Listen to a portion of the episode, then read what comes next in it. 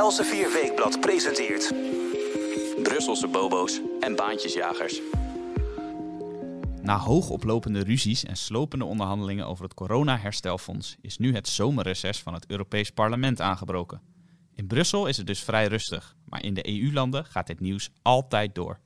Zo is de spraakmakende miljardair en oud-premier Silvio Berlusconi weer terug in de Italiaanse politiek. Wat betekent dat voor Italië en de EU? We gaan het bespreken met onze correspondent in Brussel, Jelte Wiersma. Ook hebben we het over de politieke impasse in België, waar al ruim anderhalf jaar geen meerderheidsregering kan worden gevormd. We hebben het erover in deze nieuwe aflevering van Brusselse Bobo's en Baantjesjagers. Mijn naam is Matthijs van Schie. Goed dat u luistert naar een nieuwe podcast van Els Vierweekblad. Jelte, hartelijk welkom. Hallo. We spreken elkaar zo op de eerste dag van de grote hittegolf in Nederland, waar de Tweede Kamer met reces is en ook de Europarlementariërs in Brussel zijn met reces. Is er eigenlijk nog wat te doen daar in de Europese hoofdstad? Ja, klopt, uh, Matthijs. Er is helemaal niet zoveel aan de hand natuurlijk. Alhoewel, in de politiek staat het nooit helemaal stil. Uh, dat geldt ook voor de Europese Unie. Uh, dat is toch wel een trend van de laatste jaren, waarin de zomer eigenlijk een steeds belangrijkere plek in is gaan nemen in het politieke spel. We zien natuurlijk die EU-toppen die altijd maar blijven doorgaan. We hadden de, bijvoorbeeld nog de beroemde top in juli over het corona-herstelfonds en het uh, meerjarig financieel kader, zoals het officieel heet, de Europese begroting voor de komende zeven jaar.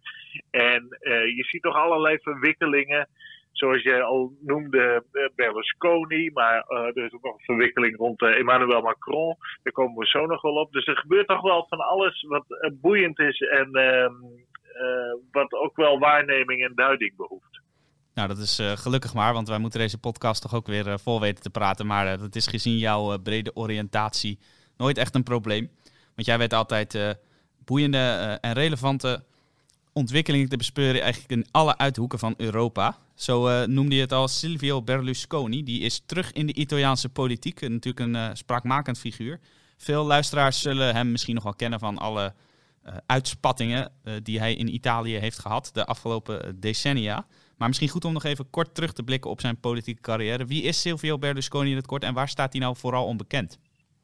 Ja, Berlusconi is terug. Hè? Hij uh, is uh, sinds 1993 al een van de sterkhouders, zoals ze dat dan in België noemen, uh, in de Italiaanse politiek. Toen hij als zakenman miljardair, uh, onder meer in het vastgoed en in de media met de televisiekanalen, radiostations enzovoort, de politieke arena in Italië betrad als een soort redder des vaderlands. Nadat de oude partijen allemaal waren ingestort, uh, de Christendemocraten, de Sociaaldemocraten, die uh, sinds de Tweede Wereldoorlog aan de macht waren. Wegens een uh, corruptieschandaal. Alle partijen bleken via allerlei slinkse wegen geld in de partijkas te stoppen. En daarbij geldt dat er ook allerlei banden waren met de maffia.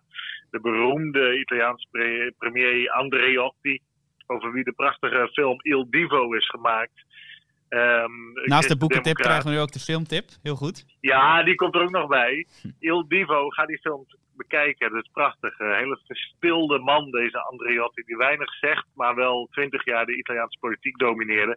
Die altijd uh, uh, ook dealde met de maffia om de, om de communisten eruit te houden in Italië. Die altijd groot waren, die een derde van de stemmen vaak kregen. Die, die mensen die zijn allemaal afgeserveerd door verschillende onderzoeksrechters. Die, uh, er is een prachtige televisieserie over gemaakt, een dramaserie door Sky, notabene Sky Italia, uh, notabene uh, is Berlusconi daar volgens mij ook bij betrokken. En dat heet 1992, 1993, 1994. je kan het krijgen op DVD-box, een fantastische serie over die omwentelingen in die Italiaanse politiek en wat er allemaal gebeurt. En dan zie je dat Berlusconi een man is die komt als redder naar voren uit die puinhopen van die instortende politieke partijen die allemaal ten onder gaan in corruptieonderzoeken door uh, onder meer onderzoeksrechter Falcone, die uiteindelijk wordt opgeblazen door de maffia op Sicilië en, en anderen. En uh, die Berlusconi die, die heeft uh, aan zijn uh, zijde allemaal slimme jongens en meisjes uit Milaan, wat toch de e-, economische motor is van Italië. En die bedenken dat zijn partij moet gaan heten Forza Italia. Hè? Italië vooruit. En dat moet vrolijk verhaal over Italië zijn. En dat moeten alle mensen aan, aan, die partij binden. En deze Berlusconi is met deze partij enorm succesvol geworden. Hij wordt wel eens de, eigenlijk de proto-Trump genoemd. Hij heeft vele navolgers gekregen. En uh, in 95 is hij ook uh, 94, 95 premier geweest. Maar daarna is hij uh, lange tijd prominent politicus geweest, maar niet als premier. Dat is hij in deze eeuw wel weer geworden. tot hij in 2011, een van de dieptepunten van de economische crisis destijds, ook wel bekend als de euro- of bankencrisis, eigenlijk met vrij harde hand is uitgeduwd onder leiding van Angela Merkel, de Duitse bondskanselier, en Nicolas Sarkozy, de toenmalige president van Frankrijk. En uh, je moet je voorstellen, uh, zij hadden sowieso een, een, enorme hekel aan Berlusconi. Dat was ook wel te begrijpen als je Angela Merkel bent, want er lekte in oktober uh, van 2011 een telefoongesprek uit waarin Berlusconi zei, en mind my English zeggen we dan, dat Merkel een onneukbare kont heeft. Ja, dat is dan het niveau waarmee gesproken wordt. Uh, ja, dat was voor Berlusconi ook heel belangrijk. Hè? De, de, de vrouwen waar hij mee omging, die, die moesten inderdaad wel een bepaald uiterlijk hebben. En daar voldeed Merkel dan niet helemaal aan. Nou nee, hij, Berlusconi zei in een interview later nog: Ik heb in mijn leven, uh, over de laatste twintig jaar van mijn leven, nooit iemand beledigd. Nou ja, ik weet niet hoe hij dit uh, apprecieerde. Maar goed, in ieder geval. Uh, uh, Italië zat uh, toen ook al uh, enorm in de problemen, financieel. En Merkel en Sarkozy hadden genoeg van Berlusconi en zijn regering. En hebben toen via het IMF, via de Europese Centrale Bank, via de Europese Commissie en zelfs geprobeerd via de Amerikaanse regering, dat is wel ongehoord, om druk te zetten op Italië om Berlusconi eruit te duwen. Timothy Geithner, Obama's uh, minister van Financiën, Amerikaan, die heeft dat in zijn uh, boek over de crisis opgeschreven. En dat kwam in 2014 naar buiten dat EU-officials, zoals hij ze omschrijft, vroegen hem om via het IMF, waarin uh, Amerika heel sterk is, het Internationaal Monetair Fonds, enorm, enorme druk uit te oefenen op die Berlusconi. En dat heeft geresulteerd in zijn aftreden in november dus een maand nadat die, dat telefoongesprek over Merkel was uitgelekt, is hij in november 2011 afgetreden. Uh, en toen heeft hij gezegd van, uh, nou, er moeten nieuwe verkiezingen komen. Uh, dat aftreden was omdat hij het vertrouwen van de meerderheid van het Italiaans parlement verloor. Omdat die allemaal ook enorm onder druk werden gezet, die parlementsleden.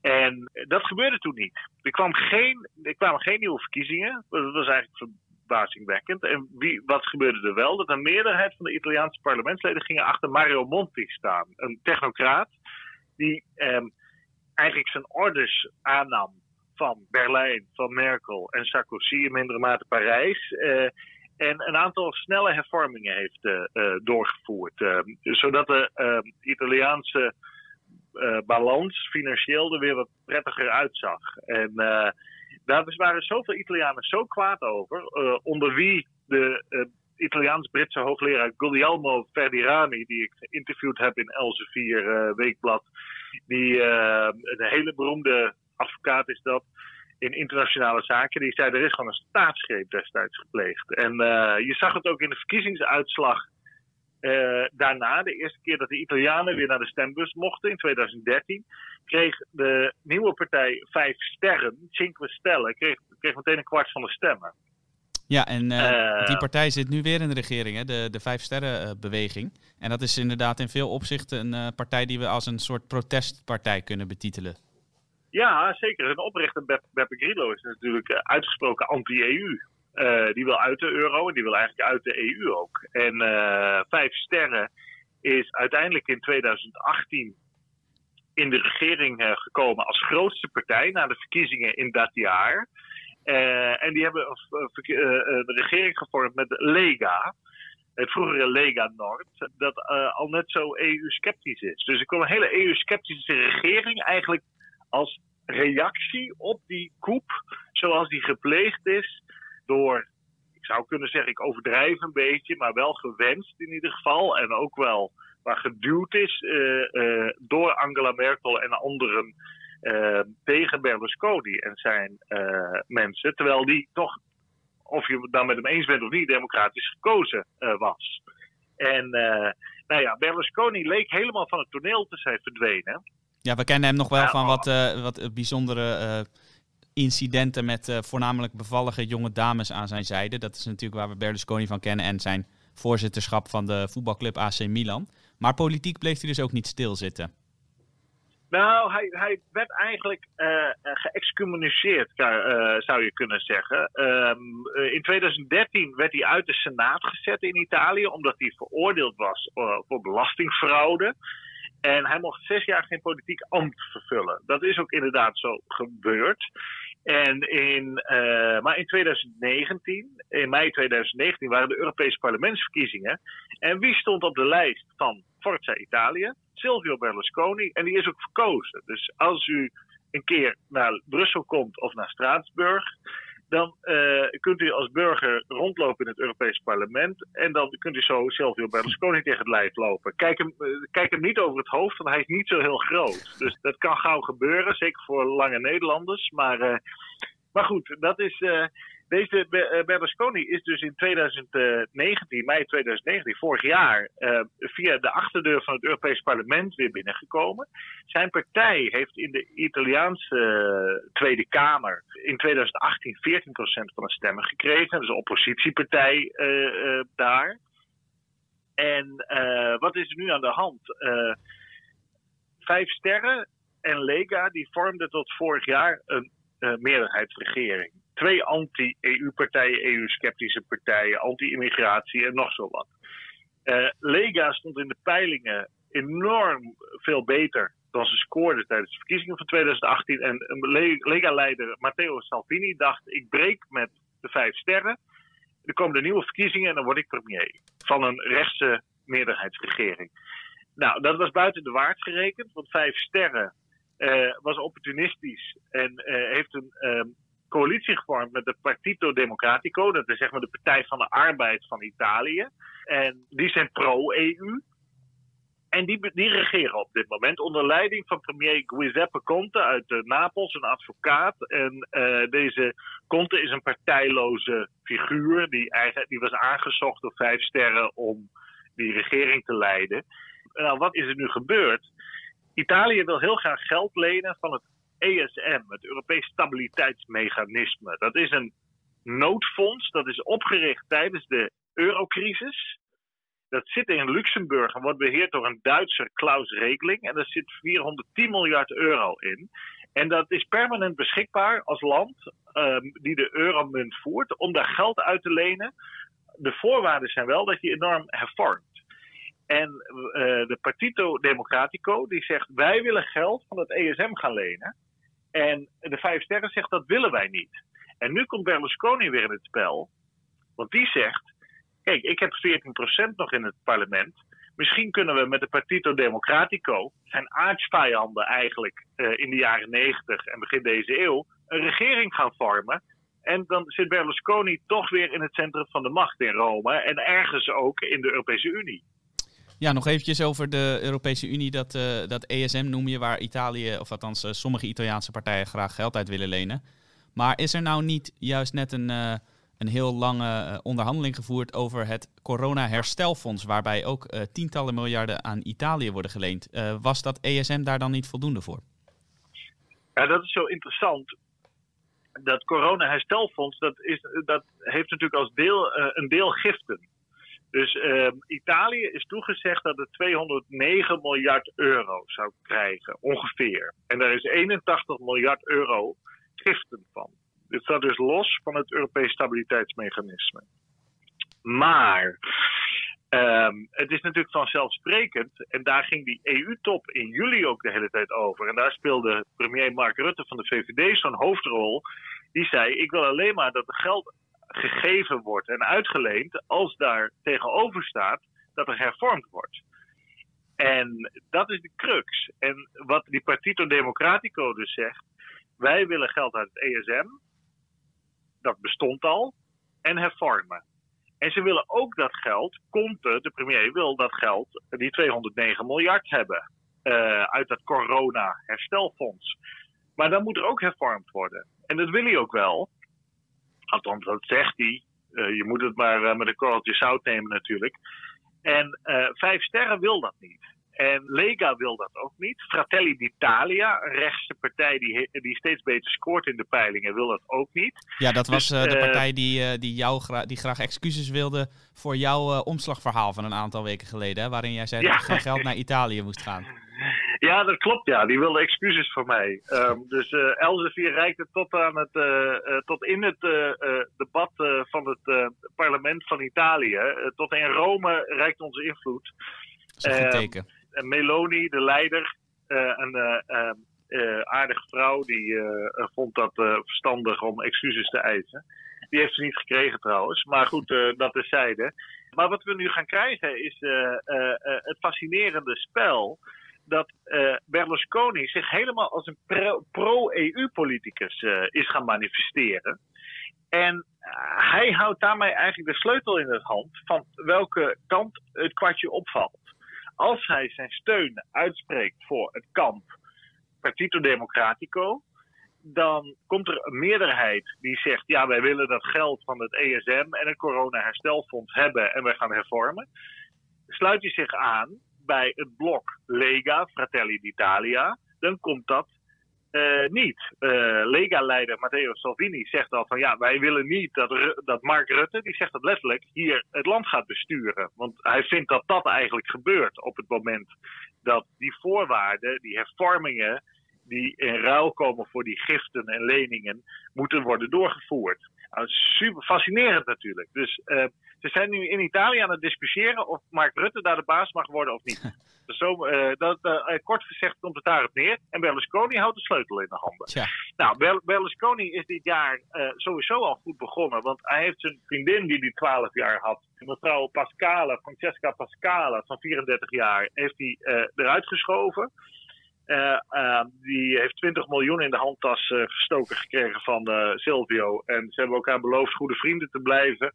En hij heeft uh, een Forza Italia parlementslid uh, als nieuwe vriendin. Uh, en die heet Marta Antonia Pacina. En die komt uit Calabria, uit de laars helemaal van Italië. En die studeerde letteren, wijsbegeerte en was de perschef van AC Milan, de voetbalclub die destijds eigendom was van Berlusconi.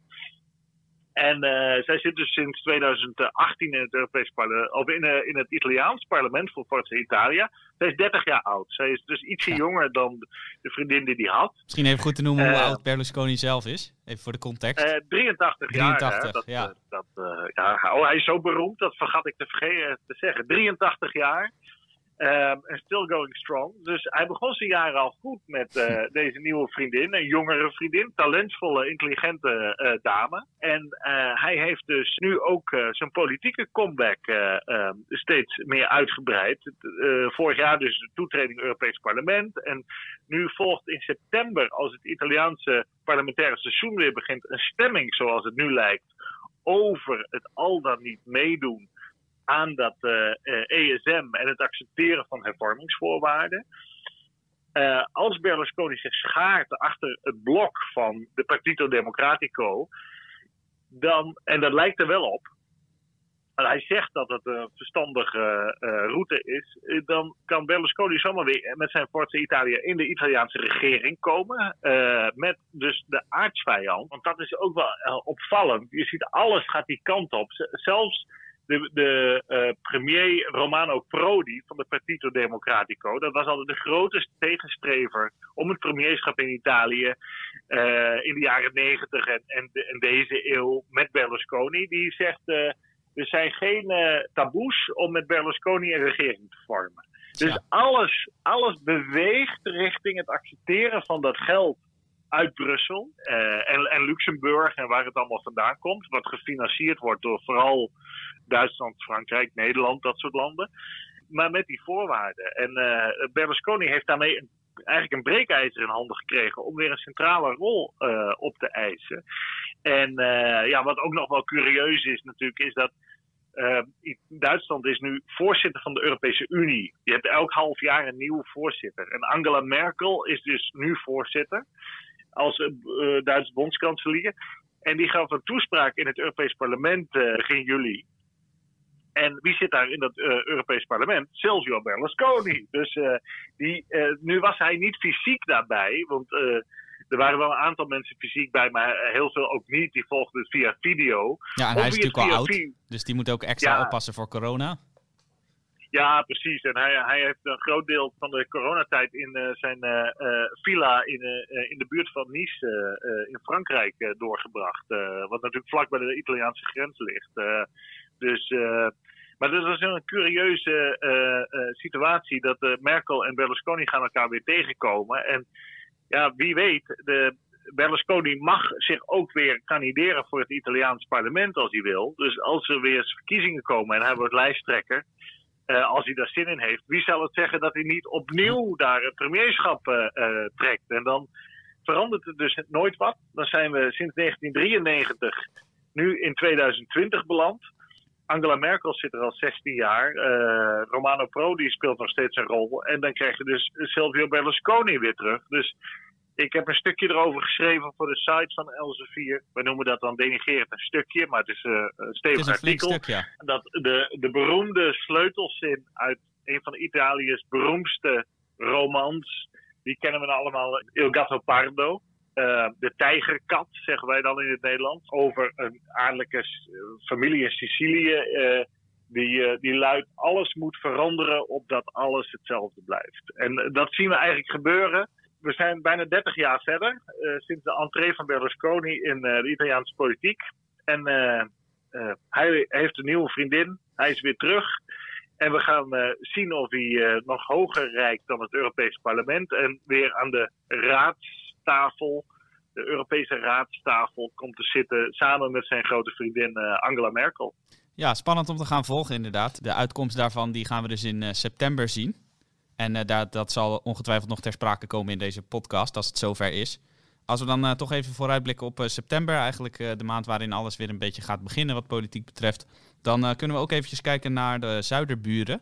Want zoals wij weten staan de Belgen erom bekend dat ze er vaak vrij lang over doen om een regering te vormen. En in september dreigen opnieuw nieuwe verkiezingen, want al sinds december 2018 hebben de Belgen geen meerderheidsregering. En jij schreef in een commentaar op onze website, ook te vinden in deze beschrijving, net als jouw stuk over Berlusconi overigens, schreef jij dat dat een goede zaak zou zijn voor Nederland als er nieuwe verkiezingen komen in België. Waarom is dat zo? Nou, in de peilingen staan uh, de partijen die Vlaamse onafhankelijkheid willen op winst. Als je dat optelt, uh, dan gaat het om de NVA, de Nieuw Vlaamse Alliantie en uh, het Vlaams Belang. Um, het Vlaams Belang staat op een kwart van de stemmen. En uh, de NVA op uh, ongeveer uh, 23 procent. Dus samen zouden ze 47, 48 procent van de stemmen halen. Dus er is bijna een meerderheid van de Vlamingen die zijn stem uitbrengt op ehm, partijen die Vlaamse onafhankelijkheid willen. En ik denk dat dat een versterking is voor de positie van Nederland. Want je moet je voorstellen, België is in de relaties in de Europese Unie eigenlijk een vasal van Frankrijk. En um, de Vlamingen zijn het eigenlijk altijd mee, met Nederland eens. Zij zijn de meerderheid in België, de Vlamingen. En toch doet België eigenlijk altijd wat Frankrijk wil in de Europese Unie. Dus een republiek Vlaanderen zou voor Nederland een uh, aantrekkelijke positie uh, zijn. Want als je uh, een extra land hebt dat zich voegt bij de, laten we zeggen, Noord-Europese coalitie, die uh, prudent beheer wil van de financiën, liberalisering uh, enzovoort, dan win je daarmee en dan verzwak je Frankrijks positie, die toch meer, veel meer redeneert vanuit machtspolitiek en niet vanuit regels. Ja, dat zou dus inderdaad om strategische redenen in die EU heel belangrijk zijn voor Nederland, dat, dat de Vlamingen uh, zich meer onafhankelijk gaan, uh, gaan bewegen. Maar zoals u weet, als u deze podcast vaker luistert, is jij uh, bent ook altijd erg geïnteresseerd in de geschiedenis van die Europese landen. En in historisch opzicht hoort Vlaanderen eigenlijk natuurlijk ook veel meer bij Nederland dan bij het zuidelijke deel van België. En, en dat is ook een van de redenen waarom die verschillen in België altijd zo groot zijn dat ze er vaak niet uitkomen. Ja, dat klopt. Je kan ook andersom zeggen. Je kan ook zeggen dat Nederland eigenlijk meer bij Vlaanderen hoort dan.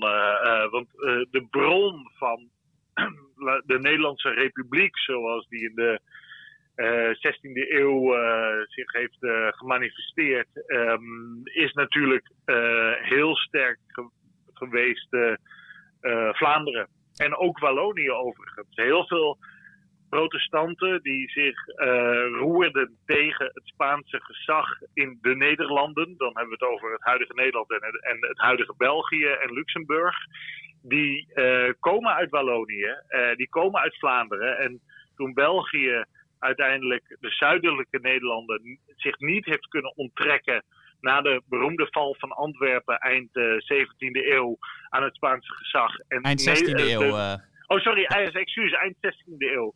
En het noorden, wat uiteindelijk de republiek werd, um, der zeven provinciën, zich wel heeft kunnen onttrekken aan die, dat Spaanse gezag zijn er massaal mensen uit uh, wat nu België is naar Nederland gevlucht. En daarmee is eigenlijk de Nederlandse Republiek een succes geworden. Want er kwamen massaal mensen met kennis, kapitaal. Want uh, uh, de zuidelijke Nederlanden waren veel beter ontwikkeld dan de noordelijke Nederlanden.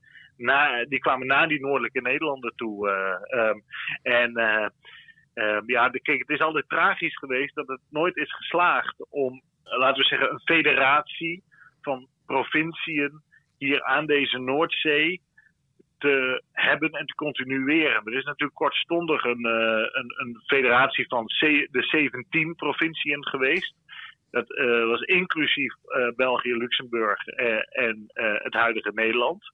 En dat is eigenlijk wat heel erg past bij de natuur natuurlijk. Van, van deze vrij, dit vrijgevochten zootje mensen dat langs die Noordzeekust uh, is gaan wonen. vaak gevlucht vanuit andere delen van Europa. Uh, godsdienst, uh, vrijheid zochten, vrijheid van meningsuiting, vrijheid van drukpers. de Elsevier komt ook voort uit die geschiedenis. dat zal, niet iedereen weten, maar geschiedenis gaat waarschijnlijk terug op een Joods-Arabische familie die uiteindelijk uit Spanje, Portugal via Noord-Afrika is gevlucht naar Leuven in Vlaanderen en uiteindelijk naar Leiden toen uh, dus de val van Antwerpen daar was. Uh, Kijk aan, pikken we ook nog wat van de geschiedenis van, van Elsevier mee. Dat overigens 75 jaar bestaat dit jaar. En ja, de tragiek is dat, dat, dat België is door de Spanjaarden en uiteindelijk de Oostenrijkse tak van de Habsburgers altijd gedomineerd. En na de val van Napoleon is in, in 1815 is, is België samengevoegd met eh, de, de restanten van de republiek. En uh, is een, uh, het, het, Koninkrijk der Verenigde Nederlanden opgericht. En dat is um, na 15 jaar, in 1830, uh, um, opgebroken. en dat vond vooral aangejaagd door de Fransen. Er is een geweldig boek. Het heet Talleyrand in Londen. Lees dat boek de graaf Maurice Talleyrand, de beroemde diplomaat en ook minister van Buitenlandse Zaken, die diende onder Napoleon, onder verschillende uh, Franse koningen. Die wist de Engelsen zo te, eh, te verleiden dat ze uiteindelijk toestonden dat België een neutrale staat werd en losgebroken werd van eh, de noordelijke Nederlanden. En uh, daarmee uh, was op e opnieuw die eenheid van die lage landen, die eigenlijk cultureel en qua taal heel logisch is, qua mentaliteit, gericht op handel. we spreken Nederlands allemaal in alle onze varianten.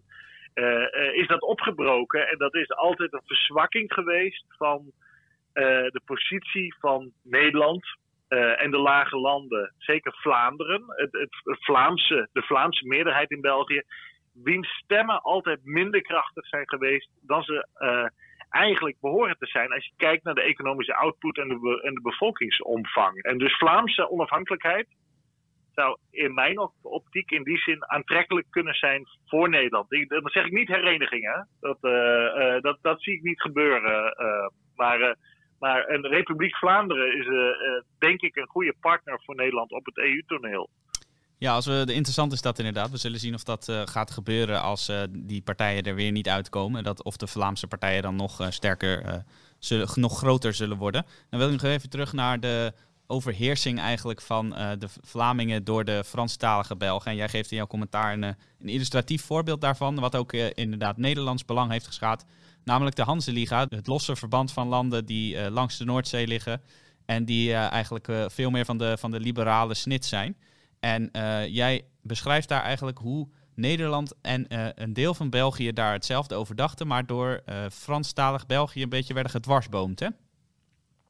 Ja, de regering die gevallen is in december 2018 bestond uit de NVA als grootste partij van Vlaanderen en België. En uit de Vlaamse partijen CD&V, de Christen-Democraten, Open VLD, de Liberalen.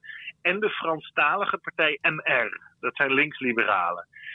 En uh, Johan van Overtveld was minister van Financiën, NVA. Van Overtveld was hoofdredacteur van collega-bladen van Elsevier in Vlaanderen.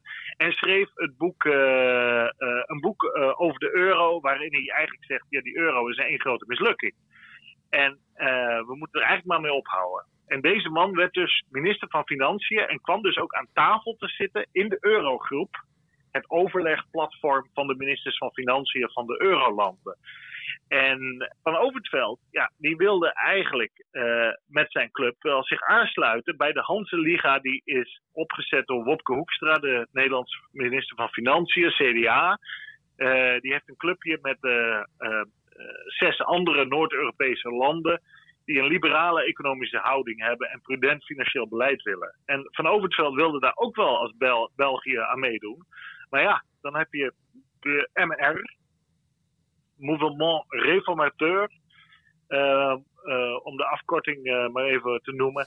En die vonden dat helemaal geen goed idee natuurlijk. dus dan gebeurt dat niet. Dus dan is er een kleine minderheid die voorkomt dat. En dat is wel begrijpelijk, want Franstalig België is natuurlijk heel erg gefocust op Parijs. En ziet het als Par Parijs als hoeder van hun belangen.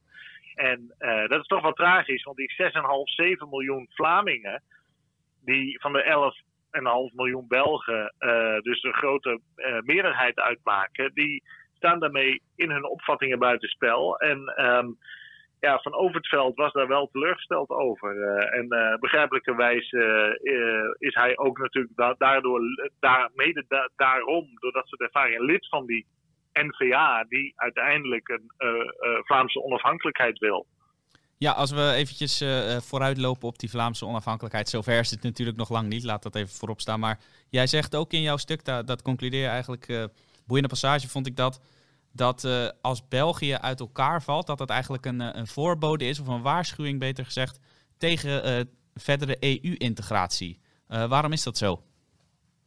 Nou ja, kijk, België is natuurlijk een soort mini-EU, zou je kunnen zeggen. Een, een mini-Europese Unie waarbij er een Germaans deel is, het Vlaamse deel, en een Latijns deel, het, Waalse deel. En die grens die loopt uh, dwars door dat land heen. Noord-Zuid-Europa, die grens loopt net onder Brussel door, van oost naar west, van west naar oost.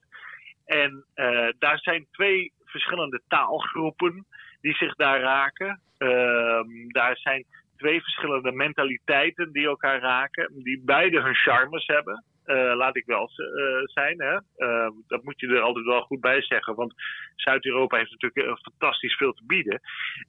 dus die, die, en die zijn nu al 200 jaar als onafhankelijk land bij elkaar. nou, echt lekker loopt dat niet. En als je preciezer kijkt, zou je ook nog kunnen zeggen. Ze zijn eigenlijk al veel langer bij elkaar natuurlijk. Want de 200 jaar daarvoor die kortstondige 15 jaar dat ze verenigd waren met de noordelijke Nederlanden, het huidige Nederland, uh, waren ze ook al één, uh, als eenheid bestuurd. Dus die zijn al 400 jaar samen. En echt lekker loopt dat niet. Uh, en als mensen mogen stemmen, ja, dan neigen ze meer naar confederalisme of federalisme of, of afscheiding of onafhankelijkheid, of je kan een heel aantal verschillende varianten bedenken. die in ieder geval is dat waar voor Vlaanderen, waar de transfers van geld naar uh, het Franstalige deel van het land toch uh, schrikbarend hoog zijn. Die worden geschat op uh, 7 tot 20 miljard euro per jaar. Vlaanderen is welvarender, liberaler, economisch veel actiever. De mensen hebben veel meer bedrijven ook.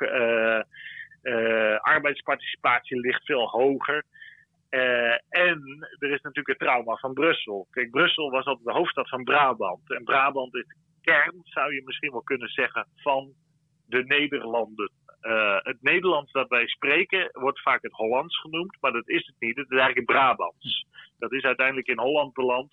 Wij spreken eigenlijk de Brabantse variant met z'n allen van het Nederlands. En ja, die, die stad Brussel is natuurlijk onder waar, tot na de Tweede Wereldoorlog meer dan 50% van de mensen nog Nederlands sprak, uh, is onder Franstalige dwang helemaal verfranst. En ja, dat is natuurlijk een tragisch verlies. Die stad die hoort bij de noordelijke Nederlanden. Die hoort niet bij, bij uh, de Franstalige wereld. Dat is voor de Belgen of voor de Vlamingen, of veel Vlamingen ook wel een klein trauma. Dat het Br Brussel verloren is gegaan. Dus al die dingen maken dat zij zoiets hebben, uh, uh, of dat velen in Vlaanderen, lang niet iedereen. Hè? Er zijn velen ook die graag willen dat België blijft.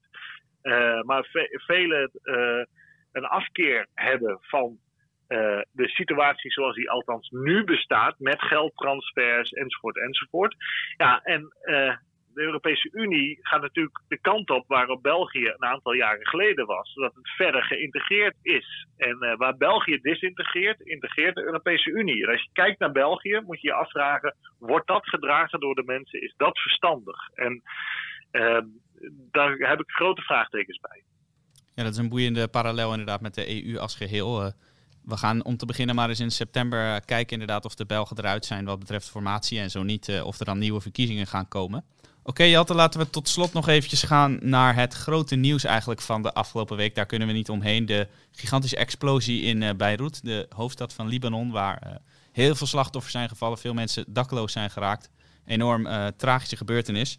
En dat wordt ook vanuit andere landen met veel aandacht gevolgd. En zoals het een goed Frans president betaamt, is Emmanuel Macron al direct naar Beirut gegaan. En die wil daar de boel eens even in goede banen gaan leiden. Wat, uh, wat heeft hij daar precies voor ogen?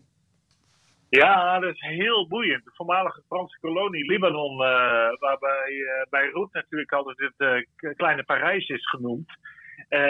daar is president Macron als eerste prominente regeringsleider ingevlogen. En dat doet hij niet voor niks. Hè? Dat, um, hij wil daar een aantal dingen doen één, de Franse belangen veiligstellen.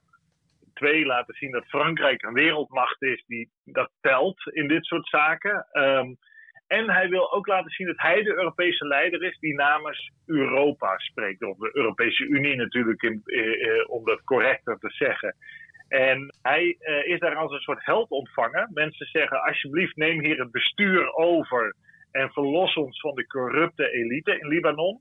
Dat zie je wel meer in meer voormalige koloniën overigens. Er wordt uh, deze dagen erg negatief gesproken over kolonialisme. Maar in de koloniën waar ik ben geweest, Suriname, uh, Zuid-Afrika, uh, en andere voormalige koloniën, moet ik zeggen.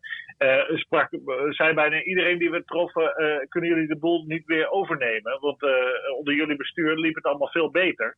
Ja, dat is in Libanon niet anders. want inderdaad, ook voor deze explosie waren de protesten tegen de regering al heel lang gaande. En Emmanuel Macron komt daar dus, wat de Libanese bevolking betreft, als geroepen.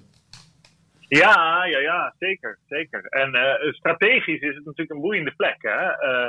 Je ziet, omdat het natuurlijk aan de Middellandse Zee is, het is de toegangspoort uh, tot dat Midden-Oosten. Je ziet dat bijvoorbeeld uh, in Syrië, dat heeft ten noorden van Libanon een kleine uitgang naar de Middellandse Zee. Daar hebben de Russen uh, een basis van Assad gekregen. Dus er zijn allerlei strategische oriëntaties daar. En de Britten hebben natuurlijk op uh, het Verenigd Koninkrijk op Cyprus een militaire basis. Dat weet ook niet iedereen, maar het is een belangrijke uh, militaire basis voor de Britten in, in die oostelijke Middellandse Zee en voor operaties in het Midden-Oosten. En Frankrijk zit natuurlijk ook te kijken van hey, wat kunnen wij daar misschien doen? valt er voor ons bijvoorbeeld een voordeel te halen dat als wij ons opwerpen als de grote redders van Libanon. En dat wij ook EU-geld daar naartoe gaan pompen. Want dat wil Frankrijk altijd. Hè. Wil laten zien, uh, wij zijn een grote land. En ze proberen anderen in, de, in Europa, EU, dat te laten betalen. Uh, het zou me niet verbazen als Frankrijk daar een strategische militaire positie zou willen hebben op termijn. Uh, dus zo moet je ook een beetje denken. Uh, Zo'n man uh, zoals Macron gaat nooit zonder agenda op pad. Geen, niet puur uh, medelijden en goede tierenheid die hij daar tentoon komt spreiden. Altruïsme, daarmee word je geen president of premier. Hè? Dus dat zijn spijkerharde jongens. opportunisten grijpen de kansen die, die zich aandienen om zich te profileren, om macht te vergroten of te verwerven. En dat zien we hier ook. En ik ben heel benieuwd hoe dit uh, gaat uh, uh, aflopen. Want het zou me niet verbazen als er gauw een soort EU-donortop georganiseerd zal worden. en dat Frankrijk dan de megafoon zal zijn voor heel veel geld naar Libanon. En dat dat de invloed van Frankrijk en misschien wel de Europese Unie in bredere zin, maar zeker van Frankrijk, daar uh, enorm zal vergroten. En je kan daar negatief over doen natuurlijk, maar misschien is het wel positief. Hè? Je moet je ook een beetje voorstellen dat de Europese Unie is een soort imperium. En zo denken de Nederlanders helemaal niet, zo denken de Fransen wel. En dat is eigenlijk de juiste manier om ernaar te kijken.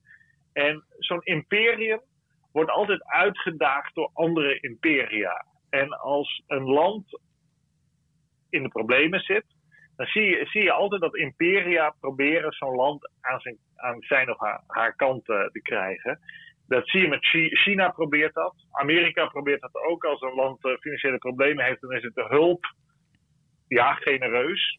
Amerika zeker, is altijd heel genereus. Europa ook vaak heel genereus. Maar er, uh, moet, er moet wel iets in ruil voor terugkomen. Macron zegt dat ook.